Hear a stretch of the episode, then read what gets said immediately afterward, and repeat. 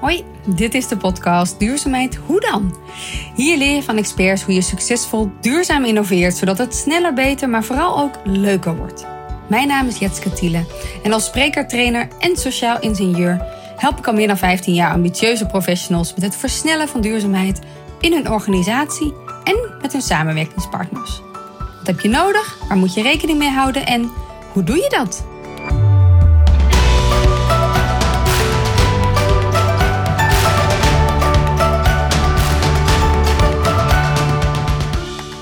Mensen graag uh, laten zien dat, ze, dat we allemaal een rol te spelen hebben. En dat we niet een soort van. Hè, wat, wat ik ook heel vaak hoor, is dat, dat we mensen zich machteloos voelen. Het idee hebben van: oh, maar het is zo groot, ik kan er toch niks aan doen. Uh, ik neem de afstandsbediening, ik ga weer zeppen. Ja, dat helpt niet. Het, wat we nodig hebben nu is mensen die, uh, die de knop omzetten en gaan ja, we leven in verontrustende tijden. Maar we kunnen daar wat aan doen. Dus ik wil mensen heel graag uh, activeren en motiveren en inspireren om daar gewoon hun best voor te gaan doen. En, en um, weet je, ik heb nog wel eens de, de, eens de analogie van, uh, zeg maar, je hebt een kalf en je hebt daar een put. En dat kalf dat gaat op die put af. we zien dat met elkaar gebeuren. Van, hè? En er zijn er mensen die zeggen, oh nee, dat kalf dat gaat dadelijk in die put vallen. Help, oh. ik, uh, ja, het gaat helemaal mis. Nou, laat maar. Nee, natuurlijk niet. Wat doe je? Je vangt dat kalf, je bindt hem vast. Je dempt die put, je zet er een hek omheen. En je zorgt gewoon dat het niet gebeurt. Ga alsjeblieft aan de slag en doe je stinkende best hiervoor. Want het is belangrijk. Het is namelijk onze toekomst en onze wereld. En, en, uh, uh, wij zitten aan de knoppen. Je hoort hier Babette Porselein, ontwerper en auteur van het succesvolle boek De Verborgen Impact. En het nieuwe boek Het Happy 2050 Scenario.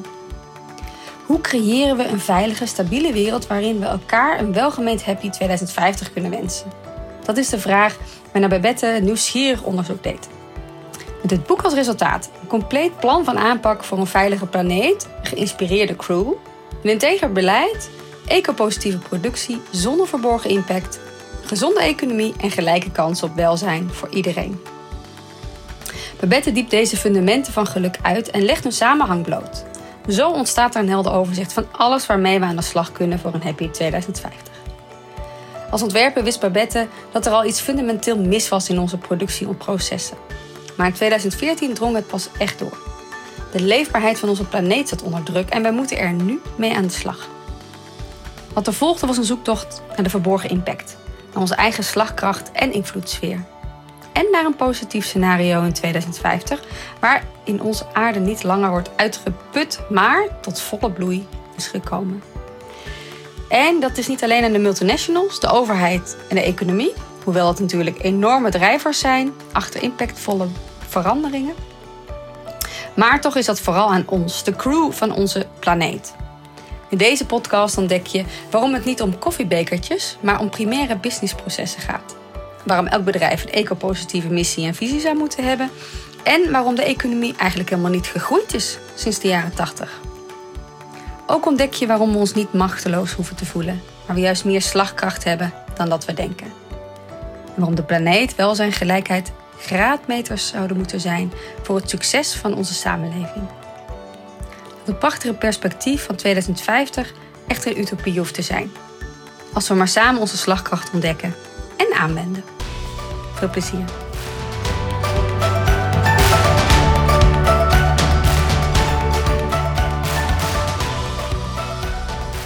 Welkom, goedemiddag Babette. Ontzettend leuk uh, dat ik je mag ontvangen. Hoe is het met je zo deze middag? Ja, hartstikke goed. Ik ben heel blij dat ik uh, uh, ben uitgenodigd door je, dus dankjewel. Ah, leuk. Nou, heel fijn. Het was voor mij ook een grote wens om je, om je te spreken, gezien ook de impact die jij de afgelopen jaren hebt gemaakt met jouw uh, boek. Onder andere uh, De Verborgen Impact, maar uh, nu ook de nieuwe. Dus dat is wel heel leuk om daar met elkaar over te hebben, sowieso. Maar voordat ik begin, is natuurlijk wel een openingsvraag voor mij ook een beetje van... Goh, wat is voor jou duurzaamheid? En welk voorwerp in huis bij jou staat daar symbool voor? Kan je daar iets over vertellen? Uh, nou, ik ben altijd op zoek naar wat kan je nou het meest effectief doen als je wil verduurzamen. Dus uh, niet van de kleine stapjes, maar wat zijn de grote stappen. Um, en uit de, de impact op 10 die ik heb laten doorrekenen, blijkt dat spullen op nummer 1 staat. Dus ik ben heel trots op mijn oude stinktelefoon uit 2012. waar ik laatst een nieuwe batterij in heb gezet en hij loopt als een zonnetje. En um, de stoel waar ik in zit trouwens is uh, uit uh, 1960 of zo. Die hebben we ook helemaal laten opknappen. Onze bank hebben we laten opknappen. Die is veel nieuwer uit 2005. 2005, ja. En die hebben we laatst helemaal laten herstofferen. En, um, en nou, dat zijn voorwerpen waar ik heel trots op ben. Omdat ik weet dat het veel verschil maakt als je, als je daar op die manier mee bezig bent. Dus uh, voorkomt dat je nieuwe spullen aan het gaat kopen. En zo te horen, ik hoor je ook wel dat je er ja, dus ook trots op bent. Dus daardoor ook niet, dat het niet vanuit, uh, dat het geen martelaarschap is, zeg maar. Uh, deze stoel ziet er erg goed uit uh, en comfortabel. Dus dat is ook wel iets juist met kwaliteit, zo te zien dan. Ja, ja, ja, precies. Ja. Nee, het is juist heel fijn en het, het, brengt heel erg veel. En mensen denken altijd duurzaam is, is iets opgeven, maar ik, ik krijg juist meer voor terug dan, dan mijn leven gaat er eerder op vooruit dan ten opzichte van zoals ik vroeger leefde precies, precies. Ja. En, het, en, het, en het, ik kan me voorstellen dat het uh, ruimte schept, zeg maar, in huis. Dus niet overvol. Dus ook heel bewust keuzes maken in, in wat je wel en niet uh, in huis uh, hebt op dat vlak. Ja, dat ook klopt, in combinatie ja. met het gezin? Ja, nou ja, als je kinderen hebt, zoals, zoals wij natuurlijk ook, we hebben twee kinderen, dan, dan komt er toch gewoon een hoop spullen je huis in. Dat, dat, dat voorkom je niet. Maar we gaan er wel anders mee om dan vroeger. En, en dat, dat scheelt een hoop wat zo in je huis. Dus dat, heel fijn. Geef dat rust. ja, dus dat, is, uh, dat, dat, uh, dat komt mooi van pas. Ja. Maar goed, het, het blijft gewoon lastig dat, dat als je, hè, zoals zeker vroeger, maar nu nog steeds wel, als je dingen naar de kringloopwinkel brengt, de dozen wegbrengt, dan is het nog steeds dat je denkt van, ik zie het verschil eigenlijk niet. Ja, ja, ja letterlijk. Uh... Het is gewoon lastig. Ja, dat, we leven gewoon in een maatschappij waarin je wordt overspoeld met zooi eigenlijk heel veel. En uh, alweer, als er dan in één keer een, uh, een groot containerschip uh, dwars ligt in het Suezkanaal, dan komen we erachter wat er, wat er eigenlijk over heel die wereld versleept wordt. dat is dat bizar. Ja. ja, ja. Ja, ik merk het zelf ook. We zijn hier ook thuis zwaar aan de gang gegaan als je het hebt over focus en wat hebben we eigenlijk in huis en wat willen we, wat, ja, wat willen we graag houden en wat niet. En ik kwam er ook laatst achter dat we inderdaad dus acht acht scharen in huis hadden. Nou, dat, alleen al dat voorbeeld, ik dacht, maar waarom? dus, uh, dus net, en, en, dat we ook zo terughaalden van, van hoe komt dat dan? Inderdaad, ja, omdat we continu ja. kwijt zijn. Dus ook geen vaste plek. Dus, dus daar is het ook wel heerlijk. Dat is, dat is onze uitdaging van dit, ja, van dit jaar uh, op dit vlak. Ja. Ja, grappig. Ja. Nou, je ziet hier achter mij dat uh, er zit ook wel gaten in onze boekenkast. Hier en daar. Ja. En dat, uh, dat, is, dat is wel opruimwoede van ons. Hè? Dus dat we inderdaad wel dingen ook wegbrengen. En, uh, en, en, dat je dan ook ruimte hebt. Voor, als er dan weer een nieuw boek zou komen, dan, dan heb je er ruimte voor. Maar voorlopig wordt het niet heel erg aangevuld. Dus dat, uh, we lezen tegenwoordig digitaal. Dus, Steeds meer digitaal ook nog, ja. En waar, en waar breng je de boeken naartoe? Wat is, wat is jouw plek waar je, waar je blij van wordt om dat, te, om dat door te geven? Ehm, nou, op Koningsdag verkopen in het Vondelpark. Ja. En dat was een heel groot succes. En, uh, en verder gewoon naar de kringloopwinkel of uh, geven ook wel boeken weg. Ja. Mensen die ze dan weer graag lezen. Precies. Dus ja. Leuk, leuk om ja. meer invulling aan geven. Ja. Nou, Betty, het, is een, het is een thema waar je inmiddels al wel langer mee bezighoudt. Maar, maar wat is voor jou het moment geweest dat je dacht, ja, wat, is hier eigenlijk aan de hand? Wat, kan, kan, je zo'n moment terughalen waardoor in één keer voor jou ja, de ogen open gingen? Dat was hier achter mij, hier op de bank. We waren thuis uh, met z'n tweeën. De kinderen waren uit spelen. In 2014 was dat, begin 2014 in de winter. En um, Rick, mijn man, die had uh, een paar berekeningen gemaakt. Gewoon uit interesse. En omdat hij ook voor zijn, zijn werk wat bijeenkomsten hield over maatschappelijk belangrijke onderwerpen. En een van de berekeningen die hij had gemaakt was uh, dat er in een nieuwe auto over vijf jaar aan benzine zit. Zoveel energie kost het om zo'n auto te produceren. Dus daar schrok ik al van. En, uh, en daarna vertelde hij ook dat de, 16 grootste zeecontainerschepen evenveel zwavel uitstoten als alle auto's op de wereld bij elkaar. Ik denk wel, wat, wat, hoezo? Wauw, wat veel. En, ehm, en dat, dat er 27 miljoen bomen per dag meer verdwijnen in de wereld dan erbij komen. Wow, nou, dat zijn wel uh, getallen. Ja, allerlei getallen, maar waarvan mij echt de schellen van de oog vielen. Want ik dacht altijd van ja, milieu en, en zo, dat is, dat is iets voor, voor mensen die van natuur houden of zo. Ik heb het over 2014, hè? Ja. Dus, best wel naïef of zo toen nog. Maar uh, dat, is, dat is iets voor, voor um, natuurliefhebbers. Want het is zo zonde als een hagedis verdwijnt, of, of, of een tijger, of, of de ijsbeer of zo. Dat is zo zielig voor de dieren, weet je wel. Ja. En uh, ik realiseer me gewoon door, door al die berekeningen hoe, hoe groot het probleem is. En dat het al lang niet meer gaat over die hagedis, maar over onze eigen toekomst. En die staat onder druk en... Uh, ja, ik, ik wens mijn kinderen en, en mezelf trouwens ook, en mijn man ook, en de mensen die, eh, die, die ik lief heb, en eigenlijk iedereen in de wereld, gewoon een, een toekomst toe.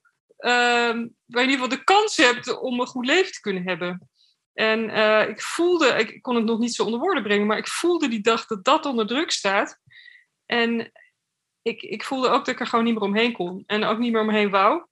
Uh, en, en, maar de reden waarom ik echt aanging, uh, was ten eerste omdat ik, door die gesprekken, wij zijn natuurlijk ontwerper, dus wij snappen iets van productie. Uh, dat, dat ik ineens door had van ja, maar die productie, daar kijken we eigenlijk nooit naar. Dus er is iets aan de hand wat we eigenlijk helemaal niet, niet zien of niet meenemen of zo. Hè. Dus ik ontdekte, ik had er nog geen woorden voor, maar ik ontdekte verborgen impact.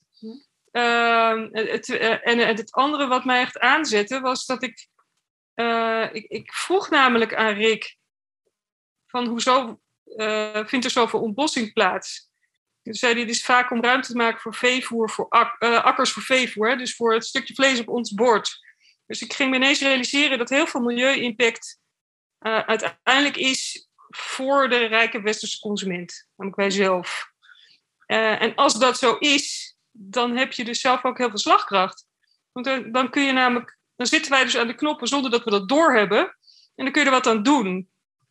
Dus uh, weet je, ik, ik, ga niet zo heel erg aan op problemen waar ik niks aan kan doen. Want dat is meer een energy drain. Maar als er nou een heel belangrijk probleem is, waar we ook nog eens geen, geen aandacht aan besteden. En waar we ook nog eens iets aan kunnen doen, ja, dan ga ik gewoon helemaal aan. Dus dat is, nou ja, dat is die ene dag. En, en op dat moment viel me ook de, de slogan Think Big, Act Now uh, in. En dat is nu ook de, de naam van, van onze stichting. En dat blijft gewoon mijn lijfspreuk. Want het, gaat over, wat mij betreft, ben ik altijd bezig met van, van hoe zit dat nou op, op grote schaal? Wat gebeurt er in de systemen? En wat kunnen wij er als individu, als persoon en met elkaar vooral um, aan doen? En het meest effectief aan doen. Dus niet de kleine stapjes en um, en uh, weet je, ieder stapje is er één. Nee, ik wil gewoon graag grote stappen zetten. Dat is een groot probleem. Een heel serieus probleem. Met kleine stapjes schiet het niet genoeg op. Ja. Dus ik wil graag weten wat, je, wat, je, wat, wat de grote dingen zijn die je kunt doen. En dan kun je juist een beetje relaxen op de kleine dingen die eigenlijk heel uh, vervelend kunnen zijn. Of zo. Terwijl die grote dingen, ja, als je die eenmaal kiest en je gaat ervoor, dan is het zo ingewikkeld.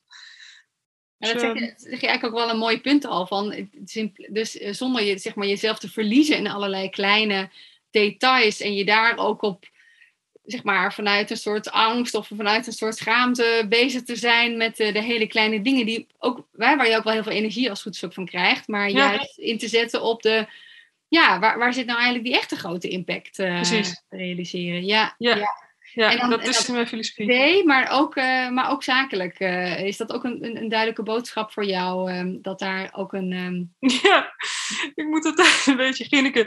Als, um, ja, het is flauw, maar nou, toch wel een beetje om ginniken. Ja. Dat uh, als ik dan bij, bij een bedrijf kom en die hebben echt geen kaas gegeten. Hè? Sommige bedrijven hebben echt nog geen kaas gegeten van, van duurzaamheid. Dat is vooral in het begin zo, in 2014, 2015, 2016. En die gingen dan, het eerste wat er dan ter discussie wordt gesteld, zijn de koffiebekertjes. Ja, ja, ja. essentieel. En word ik. Ja, essentieel. Het is super belangrijk dat we de koffiebekertjes gaan doen.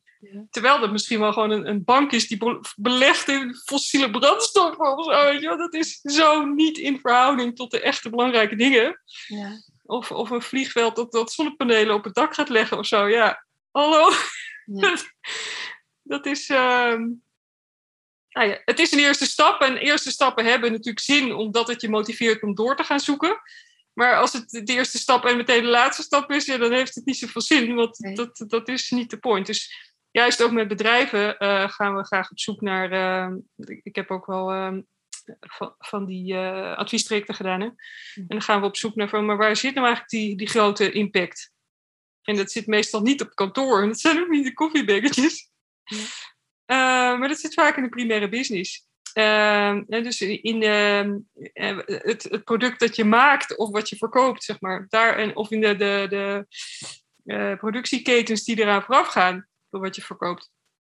Eh, of misschien wel in de invloedssfeer. Dus als je je klanten kunt inspireren of je, je publiek kunt inspireren om duurzamer te gaan leven, misschien is daar wel de grootste slagkracht.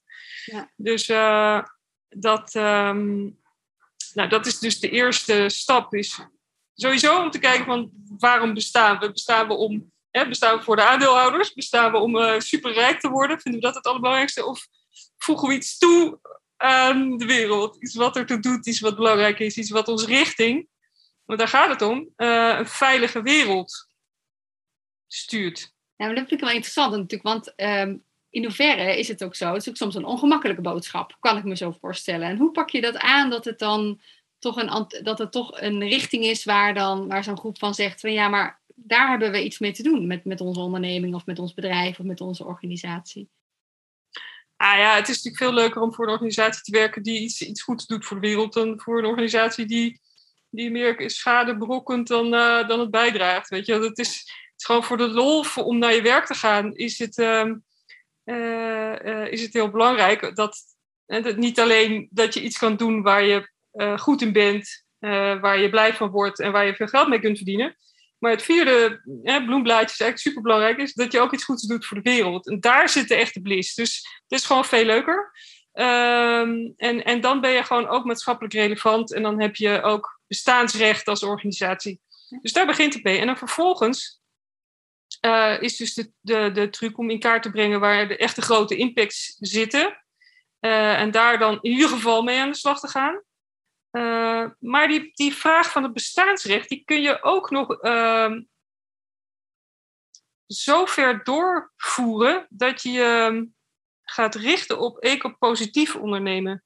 En dat, dat wil zeggen dat je niet alleen op zoek gaat naar hoe kan ik al die schadelijke impacts, die grote schadelijke impacts aanpakken, uh, maar dat je vooral gaat nadenken over, en dat geeft een hele andere inzichten, een manier van denken. En dat is dat je gaat nadenken, hoe kan ik geld verdienen met de top opruimen? Of met natuur aanleggen, met natuur beschermen, uh, met het klimaat stabiliseren, met CO2 uit de lucht halen. Weet je, hoe kan ik daar geld mee verdienen? En dat noem ik ecopositief. En dat is dat je meer goed doet dan, dan schadebrokkend. En uh, als de, de economie echt zuiver, de markt zuiver zou werken, dan zou dat ook meer beloond worden hm. dan een bedrijf of een organisatie die uh, juist meer schade berokkent dan dat die bijdraagt. Ja. Ja. Dus, um, dus het, uh, en het systeem en wat je zelf als, uh, als organisatie kunt doen. En dat zit, dit zit over op allerlei fronten, zijn er knoppen om aan te draaien. En die zijn allemaal belangrijk, die hangen ook allemaal met elkaar samen. Dat heb ik ook onderzocht voor mijn nieuwe boek. Um, maar volgens mij is de mooiste hamvraag die je als organisatie kunt uh, stellen, is door op zoek te gaan naar hoe kan ik ecopositief worden in mijn missie. Ja. Dus hoe kan ik een ecopositieve missie ontwikkelen? Dus uh, ga op zoek naar een, een bestaansrecht, een, een businessmodel, waarin je dus meer, uh, meer doet voor de planeet dan dat je stuk maakt. Ja, en, en het. Doet voor welzijn, hè? dat is ook een hele belangrijke natuurlijk. Het is niet alleen maar de planeet, maar het is ook welzijn. Nou, en welzijn of je, precies wat jij ook maakt vanuit de, de, collega's, zeg maar. Als je dus heel bewust ook uh, kijkt vanuit de werkgevers, werknemerstevredenheid. En, en uiteindelijk over uh, bewustzijn of uh, hoe wil ik bijdragen in de wereld als collega of als medewerker. Dan is dat natuurlijk uiteindelijk ook een win-win. Als je daarmee ook je collega's um, extra betrokken krijgt. Of zelfs dus nieuw talent kan aantrekken. Ja, natuurlijk. Dat is, dat is een win-win voor. Het is veel beter voor iedereen. Je klanten zullen het ook echt veel leuker zijn, vinden als je een, een ecopositief bedrijf bent. Dan wanneer je een bedrijf bent dat, dat zijn geld nog steeds verdient met olie uit de grond halen of zo. Ik zeg maar wat. Dat accepteren mensen niet meer. En dat is dan een extreem voorbeeld, maar uh, uh, ook minder, hè, iets meer subtiele voorbeelden. Uh, zullen mensen toch steeds gevoeliger voor worden en er steeds uh, alerter op zijn. En ook steeds meer gaan kiezen voor bedrijven die dat anders doen. En die wel ecopositief zijn. Dus het, ja, je, je verlengt je bestaansrecht. Je, je, je, lifespan van, van hoe lang je nog mee kunt gaan in deze wereld die verleng je enorm door het over een andere boeg te gaan gooien. Dus ja. ik denk echt dat we, uh, wat ik nog te vaak zie, is dat we dus gaan proberen om schadelijke impact te minderen. En dat geeft, hè, dat beperkt je ook heel erg, want dan mag je allemaal dingen niet meer, zo voelt dat dan. Ja. moet je iets inleveren en moeilijk, moeilijk. Terwijl um, de nieuwe weg, wat mij betreft, is om te gaan zoeken dus naar hoe kan ik ecopositief worden. Ja. En uh, omdat het namelijk heel, het, het opent een nieuwe wereld. Het opent een nieuwe manier van denken. En, uh, uh, en daar zit creativiteit en de vernieuwing en mij betreft de veilige en fijne toekomst. En het, de inspiratie en het enthousiasme van je medewerkers en, en blije klanten die, die jou helemaal gaaf vinden. Ja. ja, zo. En dat is dus dat stukje welzijn, wat je ook een beetje wat je ook benoemt. Hè? Heel specifiek van waar gaat het eigenlijk over? Het gaat uiteindelijk over well-being of welzijn. Ja. Benoem je dat hetzelfde of is, zie je dat anders? Nou, in feite is dit volgens mij. Uh, is, ik heb geprobeerd om eerst te beginnen bij het doel. Wat willen we nou eigenlijk? En dat is niet eens alleen welzijn, het is echt een, een, um, een gelukkig leven kunnen leiden. En dan geluk niet in de zin van uh, hedonisme en genieten en zo, want dat is een soort van bliksemafleider voor echt geluk, want dat zit hem veel meer in een waardig en waardevol leven. Maar de, het gaat me nog niet eens zozeer over hoe geluk nou in elkaar zit of zo. Wat, wat je dat dan ook en wat jou ook gelukkig maakt, want dat kan ook weer verschillen per persoon. De basisvoorwaarde voor geluk is een samenleving die het mogelijk maakt aan de burgers om gelukkig te kunnen zijn. Hm. En, uh, en dat, dat begint met welzijn. Dat het welzijn voor mensen op orde is. Uh, of op orde kan zijn. Dat, dat mensen gelijke kansen hebben om hun welzijn op orde te brengen.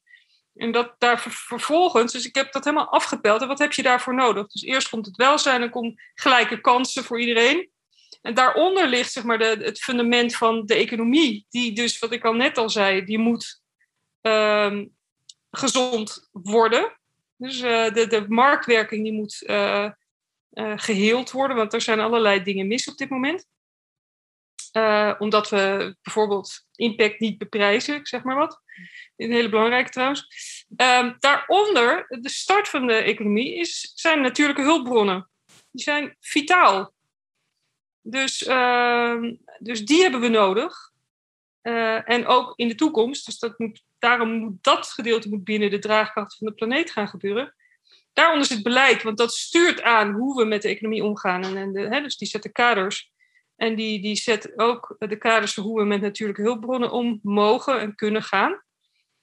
Maar daaronder, en dat is echt denk ik anders dan heel veel andere uh, denkers in dit gebied uh, doen, is volgens mij de laag, de crew van de planeet. Dat zijn wij zelf. Ja. Met elkaar. Met z'n allen. Want wij bepalen uiteindelijk uh, welke bedrijven succesvol zijn met onze portemonnee. Wij bepalen met onze politieke stem welke politiek succesvol gaat zijn en waar draagvlak voor is. Ja. Um, en, en wij bepalen de cultuur. Wij maken de cultuur met elkaar. Wij maken systemen. Met z'n allen. Niet in je eentje als individu. Al kan je natuurlijk heel veel zetjes geven. Als je weet waar je slagkracht ligt. Hm, juist. Dus, um, en, en tenslotte is het fundament der fundamenten is een planeet die veilig is. Um, en we zien nu om ons heen, en dat geeft heel veel uh, soort van mm, frictie en angst en zo, volgens mij nu in de samenleving dat we zien dat die planeet steeds onveiliger wordt. En, en dat gaat heel veel, heel veel dingen uh, uh, onder spanning zetten, onder druk zetten. Uh, en je ziet met corona al hoe tegenstellingen oplopen, hoe mensen uit hun plaat gaan en allemaal ja, complottheorieën de, de, uh, omhoog ploppen. En eh, hoe extremistische partijen meer aanhangers gaan krijgen, of in ieder geval meer geluid krijgen, meer stem krijgen. En ehm, eh, dat soort dingen, dat, dat, dat krijgt minder, die uitwassen, die zullen minder heftig zijn op een veilige planeet. En daarom is een veilige planeet de, de, het fundament. Sowieso is het natuurlijk het fundament der fundamenten. Want ga het anders maar eens proberen om op de maan te leven of zo. Succes ermee. Dat lukt je niet. Dus het is sowieso een fundament, maar het is um, uh, alleen al om uh, ook de, de, de, de sociale stabiliteit rustig te houden en zo, heb je gewoon een veilige planeet nodig. Ja. Uh, om ons welzijn te kunnen waarborgen, heb je een veilige planeet nodig. Ja. En dat je juist niet wegspoelt of, of dat je Ehm, door grote droogte, dat er voedseltekorten, watertekorten. Nou, je kan het allemaal verzinnen wat er mis kan gaan. Dus die veilige planeet is, uh, is, is de basis van alles. Je benoemt ook heel bewust dat wij de crew zijn. Kan, je dat toelichten? Waarom de crew zo essentieel is? Nou, om, omdat ik, ik, ik wil mensen graag uh, laten zien dat, ze, dat we allemaal een rol te spelen hebben. En dat we niet een soort van, hè, wat, wat ik ook heel vaak hoor, is dat, dat we mensen zich machteloos voelen. Het idee hebben van, oh, maar het is zo groot, ik kan er toch niks aan doen. Eh, ik neem de afstandsbediening, ik ga weer zeppen. Ja, dat helpt niet. Het, eh, wat we nodig hebben nu is mensen die, um, die de knop omzetten en gaan. Ja, we leven in verontrustende tijden. Maar we kunnen daar wat aan doen. Dus ik wil mensen heel graag uh, activeren en motiveren en inspireren om daar gewoon hun best voor te gaan doen. En, en um, weet je, ik heb nog wel eens de, de, uh, gebruik eens de analogie van, uh, zeg maar, je hebt een kalf en je hebt daar een put. En dat kalf dat gaat op die put af. We zien dat met elkaar gebeuren. Van, hè, en dan zijn er mensen die zeggen, oh nee, dat kalf dat gaat dadelijk in die put vallen. Help, oh, ik, uh, ja, ja. het gaat helemaal mis. Nou, laat maar. Nee, natuurlijk niet. Wat doe je? je? Vangt dat kalf, je bindt me vast. Je dempt die put, je zet er een hek omheen. En je zorgt gewoon dat het niet gebeurt. Ja, ja. Ga alsjeblieft aan de slag en doe je stinkende best hiervoor. Want het is belangrijk. Het is namelijk onze toekomst en onze wereld. En, en, uh, uh, en wij zitten aan de knoppen. Hebben het zelf in de Eh, hand. We hebben het met elkaar in de hand. Je hebt natuurlijk niet alles in de hand. En het, uh, uh, je, je, het, het helpt ook weer niet om je zo druk te maken over dingen waar je echt geen invloed op hebt. Maar het is in ieder geval, eh, wat, wat ik probeer te doen met, met 500 pagina's in mijn Ja. boek, Ik wilde eh, is, is dat ik mensen graag het, het overzicht wil geven van hoe alles met elkaar samenhangt. Ehm, zodat je, en, met meteen ook handelingsperspectief, want dit zijn alle dingen die je kunt doen en die we nodig hebben voor een veilige wereld. Zodat alle mensen die allemaal een eigen specialisme hebben, allemaal kunnen zien waar ze het beste kunnen ingrijpen en waar hun grootste slagkracht ligt. En we hebben al die specialisten nodig, iedereen op een klein stukje, maar niet met oogkleppen op, want dat helpt ons niet verder. Want dan ga je met blinde vlekken, ga je misschien hier iets doen en daar iets erger maken. Je, het helpt, weet je, je, je kunt pas echt goed bijdragen als je het geheel overziet en snapt. Want als ik hier iets doe, dan helpt het daar ook, in plaats van dat je daar iets stuk maakt. Ja. Want Babette, eh, naar aanleiding van je het eh, schrijven van het boek eh, De Verborgen Impact, nou, wat behoorlijk succesvol was, maar wat heb je daarvan het meeste geleerd? Ook in de gesprekken zo met mensen in de zaal, onder andere, en met mensen om je heen. Uh, nou, in positieve zin dat, dat mensen het heel fijn vinden om geïnspireerd te raken en om te snappen wat ze kunnen doen. Dus juist die connectie tussen het, het think big en act now. Dus snappen hoe het zit en dan vervolgens ook echt handelingsperspectief krijgen. Want het maakt wel wat uit wat ik doe en ik snap nu wat het, het meeste effect heeft. Dat vinden mensen heel fijn, dus die, die, uh, dat inspireert. En dat, dat is voor mij echt heel belangrijk, omdat ik dan daarom weet dat ik daar dus, waar die energie zit, dat ik daar dus op verder ga. Ja. En dingen die niet werken, dat je die dus ook niet moet doen. Weet je, je moet niet bijvoorbeeld. Uh, uh, nou ja, eentje die, die, heel vaak, die heel vaak hoort, is dat mensen worden aangevallen die dan duurzaam uh, bezig zijn met wat is duurzaam, die dan worden aangevallen van ja, maar jij bent wel met het vliegtuig gegaan of zo. Of uh, ik dan niet, maar ik vlieg niet, maar Uh, maar dat, dat, je hoort vaak dat mensen elkaar de, de, de pot verwijt ketel of zo, weet je. Ja. Dat, dat werkt gewoon niet. Dat, haalt, dat sukt alle energie eruit. En dat, uh, ja. dat soort dingen, daar, daar leer je dan ook makkelijker mee omgaan of zo. Of op den duur ga je nou ja, ook zien wat je dan het beste, hoe je het beste kunt reageren. Dus dat is in ieder geval een learning. En een andere is, is uh, die eigenlijk is dat ook de reden waarom ik ben begonnen ook aan mijn nieuwe boek.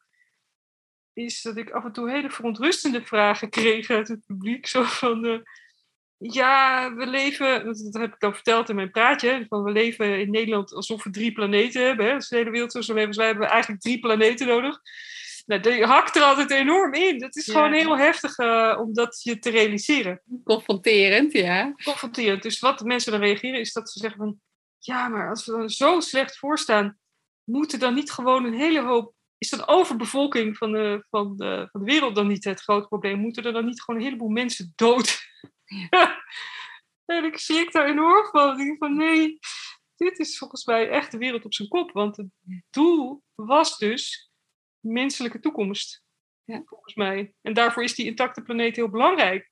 Ja. Het doel is niet een intacte planeet no matter what.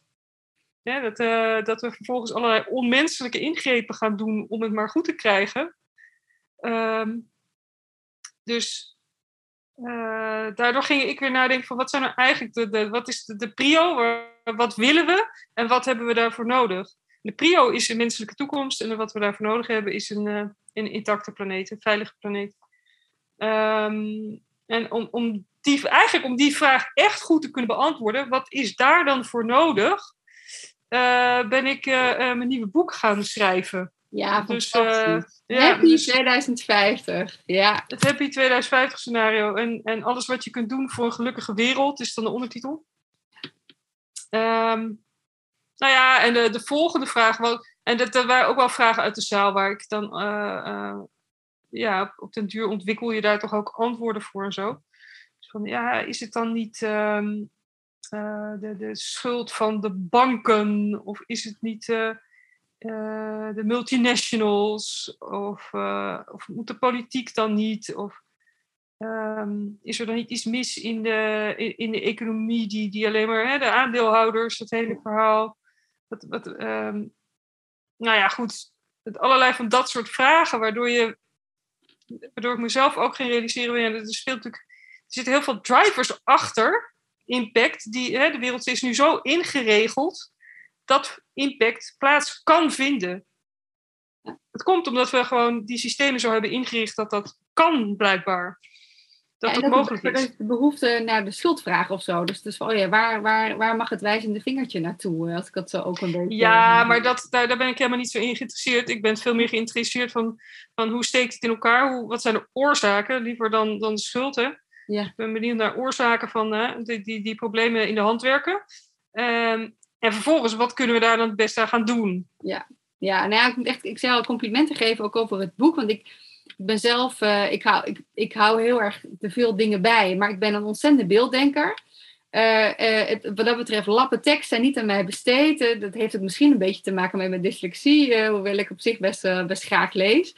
Maar het is zo fijn lezen en het geeft zoveel overzicht over en de verschillende thema's en onderwerpen wat met name mijn, mijn ogen toch wel weer heeft doen openen, waarvan ik dacht, oh, heb ik daar een beetje als een struisvogel in een hokje gezeten, zeg maar. Uh, rondom economie met name is toch wel echt een, uh, een, een, thema. Ja, heel belangrijk om dat op deze manier zo fijn ook uiteengezet te krijgen.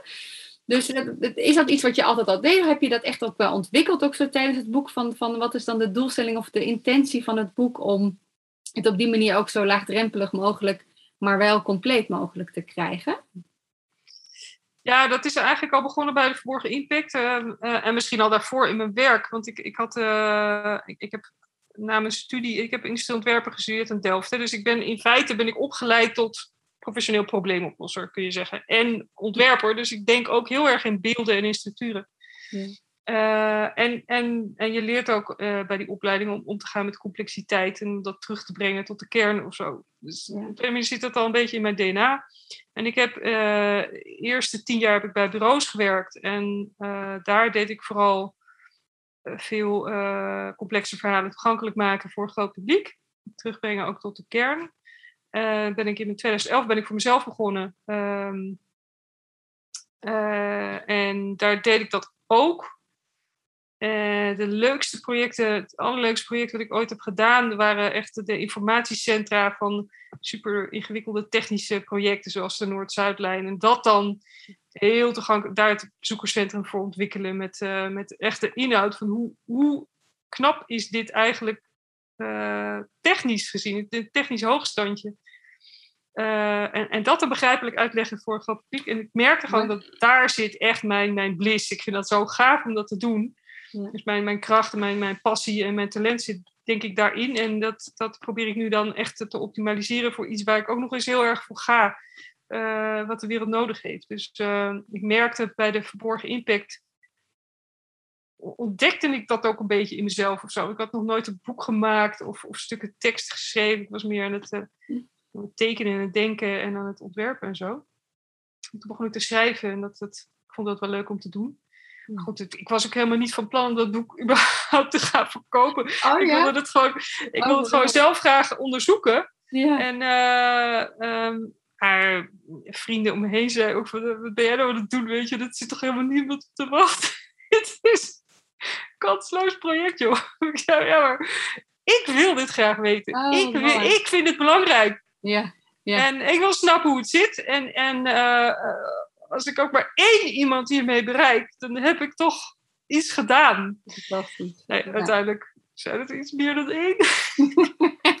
het pakket is ook echt. Oh, het tweede boek dan in ieder geval, uh, die is ook goed, goed zwaar geworden ook. Uh, was dat ook tijdens het proces ook steeds vergroot of niet? Uh, was de ambitie in eerste instantie 100 pagina's en dat werden er 500? Of, Nou, ik dacht het mag, het mag een mooi zusje worden voor het eerste boek. Ja, ja, ja. Dus 220 pagina's, weet je wel. Toen ik rond de 220 pagina's had, nou, dit moet het ongeveer worden. Ja. Het is dus ja. meer dan het dubbele. nee joh, ik had echt geen idee uh, eigenlijk waar ik echt aan begon. En dat is misschien ook maar goed ook, want ik heb uiteindelijk 4,5 jaar over gedaan. Als ik dat van tevoren had geweten, weet ik niet of ik het had, aangedurfd. Als ik had geweten hoe moeilijk het zou worden, had ik het misschien ook niet gedurfd. Mm. Dus wat dat betreft is het ook maar goed dat ik dat niet helemaal wist. Maar dat, dat is ook, um, dat klinkt misschien zo van, maar hoe kan dat dat je niet precies weet wat je gaat maken of zo? Maar dat is ook iets wat, we, wat wij hebben geleerd op de opleiding, is om, om op die manier te ontwerpen. Dus je begint met een, um, een super complex probleem. En je gaat je eerst inlezen in het probleem en dan vervolgens ga je gaandeweg ga je de probleemstelling ontwikkelen naast de oplossing. Ja, ik moet er aan design thinking denken. Is dat een beetje vanuit dat concept, vanuit design thinking uh, eigenlijk continu? Ja, design thinking, dat is ja, dat. Ja, fantastisch. Ja. Dat. ja. Dus uh, die, die ruimte om, om op die manier te, te kunnen en te mogen, te durven ook werken, ja. dat helpt heel erg om, uh, om, om grote, complexe en een beetje enge projecten aan te gaan. Ja. Omdat je dan, nou ja, weet je, je, je weet dat je het nog niet weet. Je weet dat je het nog niet overziet. Maar je weet wel dat het belangrijk is en je weet ongeveer waar je heen wilt. Mooi. En daar, daarin durven duiken, dat is best wel scary. Maar uh, uh, ja, op een gegeven moment dan je er ook maar op vertrouwen dat dat goed komt. Want dat is dan toch iedere keer weer zo met een ontwerpproces. Ja, wat weet mooi. je gewoon niet wat je gaat maken. Ik moet dan meteen wel- denken. Ja, en een, eh, en sorry, ik moet meteen denken aan een eh, quote van eh, Jan Terlouw. Die zegt van, goh, wantrouw degene die het denken zeker te weten.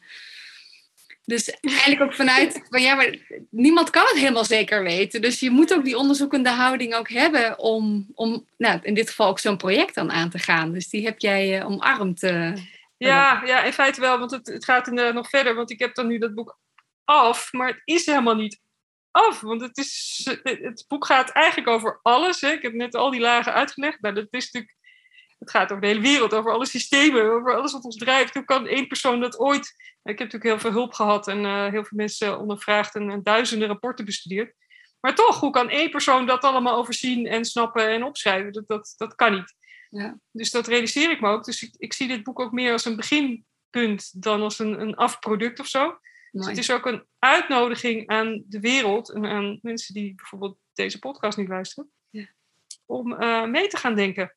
En stuur mij alsjeblieft, als je aanvullingen hebt, verbeteringen, dingen anders ziet, laat het me weten. Ja. In de volgende druk ga ik dat aanpassen. En, uh, en zo kunnen we samen bouwen aan het beste happy 2050 scenario. Want dat, dat, dat is natuurlijk waanzin om te denken dat ik dat in mijn eentje zou kunnen. Fantastisch. Ik heb wel een begin gemaakt. Ja. Een begin gemaakt. Ja. Belangrijk begin. Ja, ja. En het wordt een co-creatie. Want waar kunnen ze naartoe sturen? Ik heb een... eh, ja, je kan me altijd mailen natuurlijk. Maar eh, op LinkedIn kun je me sowieso altijd bereiken. En eh, we hebben ik heb ook een LinkedIn Crowd Research groep. Ja, ja. Eh, en, en dat is eigenlijk de aangewezen plek om hier met elkaar over te gaan doorbomen en eh, doordenken. Ja. Eh, maar je, je- ja, stuur me een mailtje of een berichtje op LinkedIn. En dan, Ik zal het eh, berichtje, ik zal het erbij zetten ook bij het artikel. Dat is wel leuk natuurlijk. ja, precies wat je zegt van het is een heel belangrijk startpunt. Letterlijk. Wat, wat heeft jou qua thema het meest verrast ook in jouw onderzoek tijdens het schrijven? Ja, ik viel van de ene verbazing naar de andere. Dus het is heel lastig om er eentje aan te wijzen die, eh, die er heel erg uitsprong. Ik was heel erg geschokt over de, de, de heftigheid van corruptie in de wereld. En dat dat eh, eh, voor een groot deel ook weer zijn wortels heeft in drugsgebruik bijvoorbeeld. Dus de drugshandel. Dus een van de, de vuistregels is ook gebruik geen drugs. Als je die er gewoon los de wereld in gooit. En mensen, ho- hoezo dat? Porselein, waar bemoei je je mee? Weet je wel? Maar dat, dat is gewoon als je kijkt op in grote schaal is dat heel ontwrichtend. Dus dat was er één. Of ehm, helemaal op een gegeven moment in slavernij verdiept. Dat is natuurlijk heel erg verschrikkelijk. Dat je dan allemaal tegenkomt. ehm ja, kindhuwelijken en... ehm, wat waren nog meer echt bizarre dingen waar ik echt van mijn stoel viel? Ehm, ja, natuurlijk een hele grote is... Dat is misschien wel de allerbeste. is dat, eh, dat er allerlei blinde vlekken zitten in het eh, BBP. Hè? Dus onze meeteenheid om te kijken of het goed gaat met de economie. Eh, het, bruto nationaal product, bruto binnenlands product, GB, GNP, G, nou ja, G, in het Engels? Maakt niet uit. Maar De BBP, BNP, mensen kennen hem wel. GDP, wou ik zeggen. Ehm, maar die meet alleen maar hoeveel geld er rond ges- ges- hè, rondstroomt. Ja. Het weet niet waar het heen stroomt, bij wie het terechtkomt. Hè, hoe de, of ongelijkheid, of mensen gelukkig zijn in een land of eh, in de wereld. Of dat de, de verschillende landen heel erg grote ongelijkheid tussen die landen zit. Eh, het meet totaal niet hoe de planeet ervoor staat. Ja. Het meet niet hoe het gaat met ons natuurlijk kapitaal. Wat eh, enorm af, afbrokkelt en, en onder druk staat en dus stuk gaat. En het meest shocking was dus, toen ik erachter kwam, een onderzoek van Constanza, een econoom, is dat eh, eh, hij heeft dus de afbraak van natuurlijk kapitaal meegerekend bij de groei van BBP, of de ontwikkeling van BBP. En volgens zijn berekeningen is sinds de jaren tachtig is de economie, de complete economie, als je alles meeneemt, helemaal niet gegroeid, maar gekrompen. Ja. En dat vind ik echt shocking. Hè? Dus we, we, we hebben het altijd over economische groei is de heilige graal. Dat is superbelangrijk, want anders stort alles in. Maar hij groeit helemaal niet. niet. hij groeit niet, maar hij krimpt. Ja. En, en eh, waar ik dus achter kwam is: oké, als dat zo is, en we gaan dus ehm, natuurlijk kapitaal wel serieus nemen en inprijzen, en milieu-impact ook inprijzen, en de economie gaat dan groeien, dan betekent het dus dat nat- natuurlijk kapitaal ook groeit en, en dat het goed echt beter gaat met de wereld. Hè? Als je gaat meten hoe het, hoe het gaat tussen de verschillen tussen arm en rijk, als je gaat meten hoe het gaat met, eh, met ons welzijn Precies. en onze beleving van geluk, als dat graadmeters worden voor het succes van de maatschappij, in plaats van hoeveel geld er blind maar rondstroomt in dat systeem, Ja. ja, dan, en dat gaat de goede kant op, dan heb je gezonde groei. Groei die ergens naartoe gaat waar je ook naartoe wil, in plaats van blinde wildgroei in allerlei richtingen die helemaal niet veilig en fijn zijn, die helemaal niet de goede kant op groeien. Ja. Dus dat vond ik eigenlijk ehm, wel een heel belangrijk Heel belangrijk inzicht. En voorwaarden. Schokkend inzicht. Ja. Ja. En wat, wat is voor jou voor het komend jaar, zeg maar, waar, waar kijk je naar uit? eh, wat, wat er zo al eh, op de planning staat of gaat gebeuren? Misschien ook naar aanleiding van het boek. Zie jij, voorzie Ja. jij eh, mooie kansen?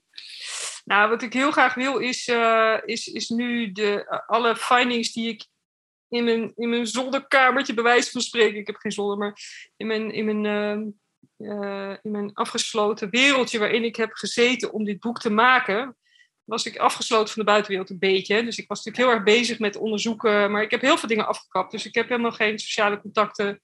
Ik, ik ben niet naar buiten getreden met mijn verhaal. Eh, nu is het boek er en nu hoef ik niet te schrijven, maar nu kan ik erover vertellen. Ja.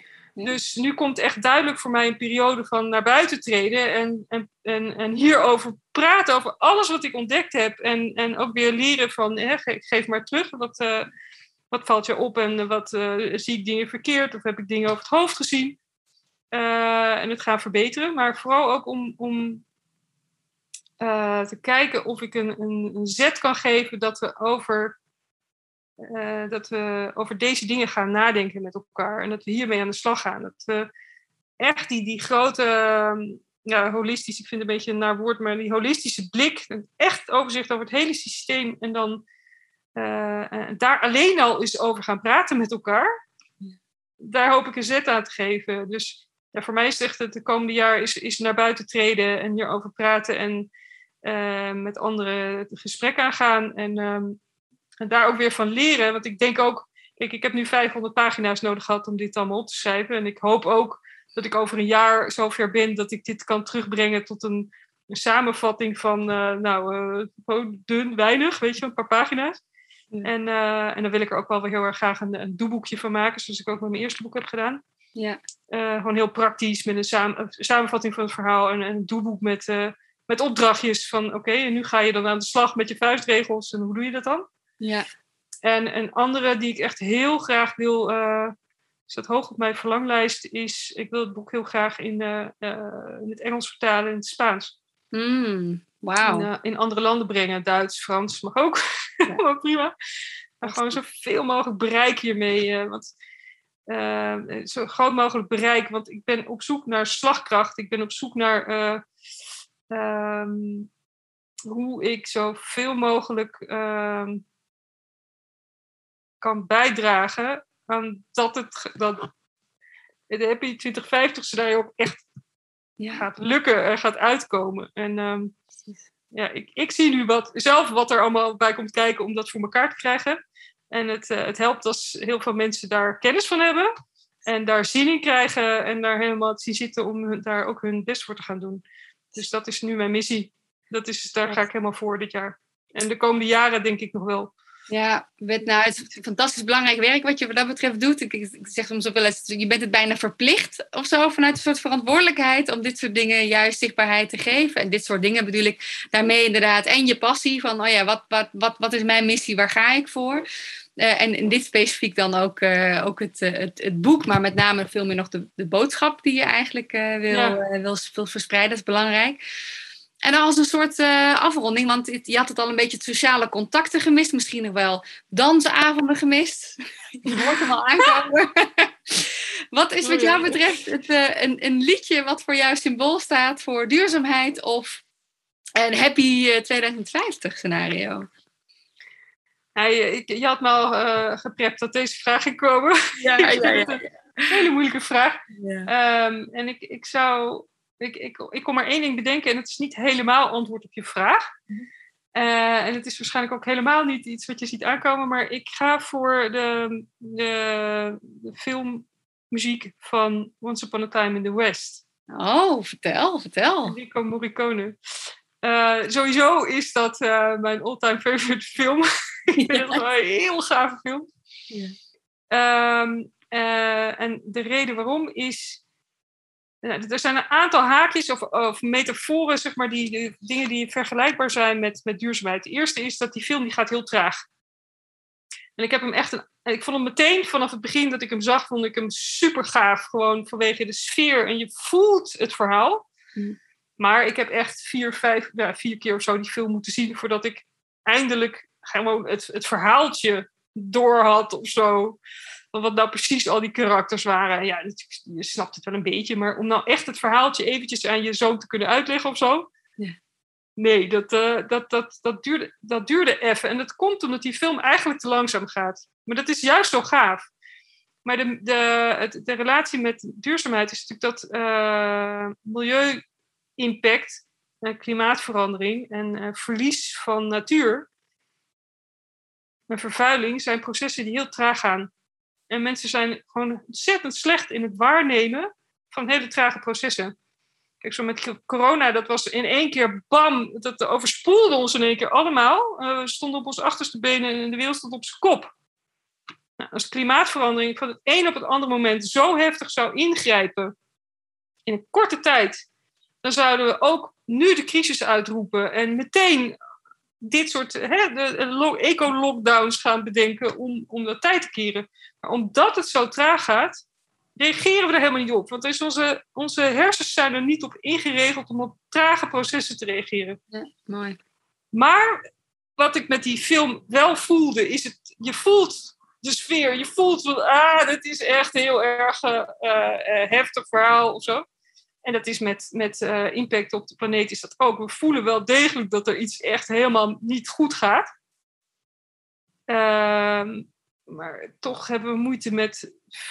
Dus zie ik dat we toch wel moeite hebben met op daar, daarop te reageren. Een soort van traag proces. Dus dat is, dat is één analogie met deze film. Mooi. Andere is, wat ik, uh, en dat is dan weer de link naar de muziek, is uh, er zijn een aantal karakters in die film. Vier karakters, als ik het goed heb, heb nee, volgens mij zijn het er vier, die hebben hun eigen muziekje. Ah, oké. Dus je hebt de hoofdpersoon, je hebt uh, de, de, mooie vrouw, je hebt uh, de grote schurk en je hebt een boefje, hm. die eigenlijk best wel lief is. En die hebben alle vier hun eigen muziekje. Um, en hun eigen stem en hun eigen rol. Um, en, en zo zie ik eigenlijk ook dus de, de crew van de planeet. Want met z'n vieren maken zij die film. En, en als je die film met één van die personen zou maken, heb je die film niet. Dan heb je gewoon dat verhaal niet, dan, dat werkt niet. Je hebt ze alle vier nodig. En zo zie ik het ook met de crew van de planeet. We hebben allemaal onze eigen rol te spelen in het grote verhaal. En uh, dus, dus die, die vier muziekjes, dat, dat is gewoon heel gaaf in die film. Komt die persoon, gaat het, hè, dus gaat die scène gaat over die persoon, komt dat muziekje weer. Dus dat is echt heel, uh, heel fijn. En het derde wat ik heel erg gaaf vind aan die film is dat het um, ja, cinematografisch was het heel vernieuwend wat hij, uh, wat hij deed, hè, die, die regisseur in die tijd. Eh, is, is gewoon een hele, hele vernieuwende manier van filmen. En dat vind ik als ontwerper weer heel gaaf. Hè? Dat je dus echt je vakgebied even op zijn kop zet. En, uh, en de dingen helemaal anders gaat aanpakken. Met zo'n waanzinnig mooi resultaat. Fantastisch. En dan, ja, natuurlijk zijn er ook allerlei dingen die helemaal niks met duurzaamheid te maken hebben. En kun je afvragen of het, of, het, of het wat dat betreft een goed voorbeeld is. Ja, maar dat is trouwens nog één ding wat ik me had bedacht over deze film, wat het wel weer uh, passend maakt. En dat is dat uh, het, het, speelt in zeg 1880 of zo, hè? 1850 misschien, ik weet niet, ergens tweede helft van de 19e eeuw in Amerika, in het Wilde Westen. En het is echt een, een, een tijd van bandeloos bandeloosheid, wetteloosheid. En de schurken kunnen elkaar neerschieten. En dat, dat gebeurt allemaal, want er is niemand die dat uh, kan controleren. Of, uh, weet je, dat, dat is het Wilde Westen.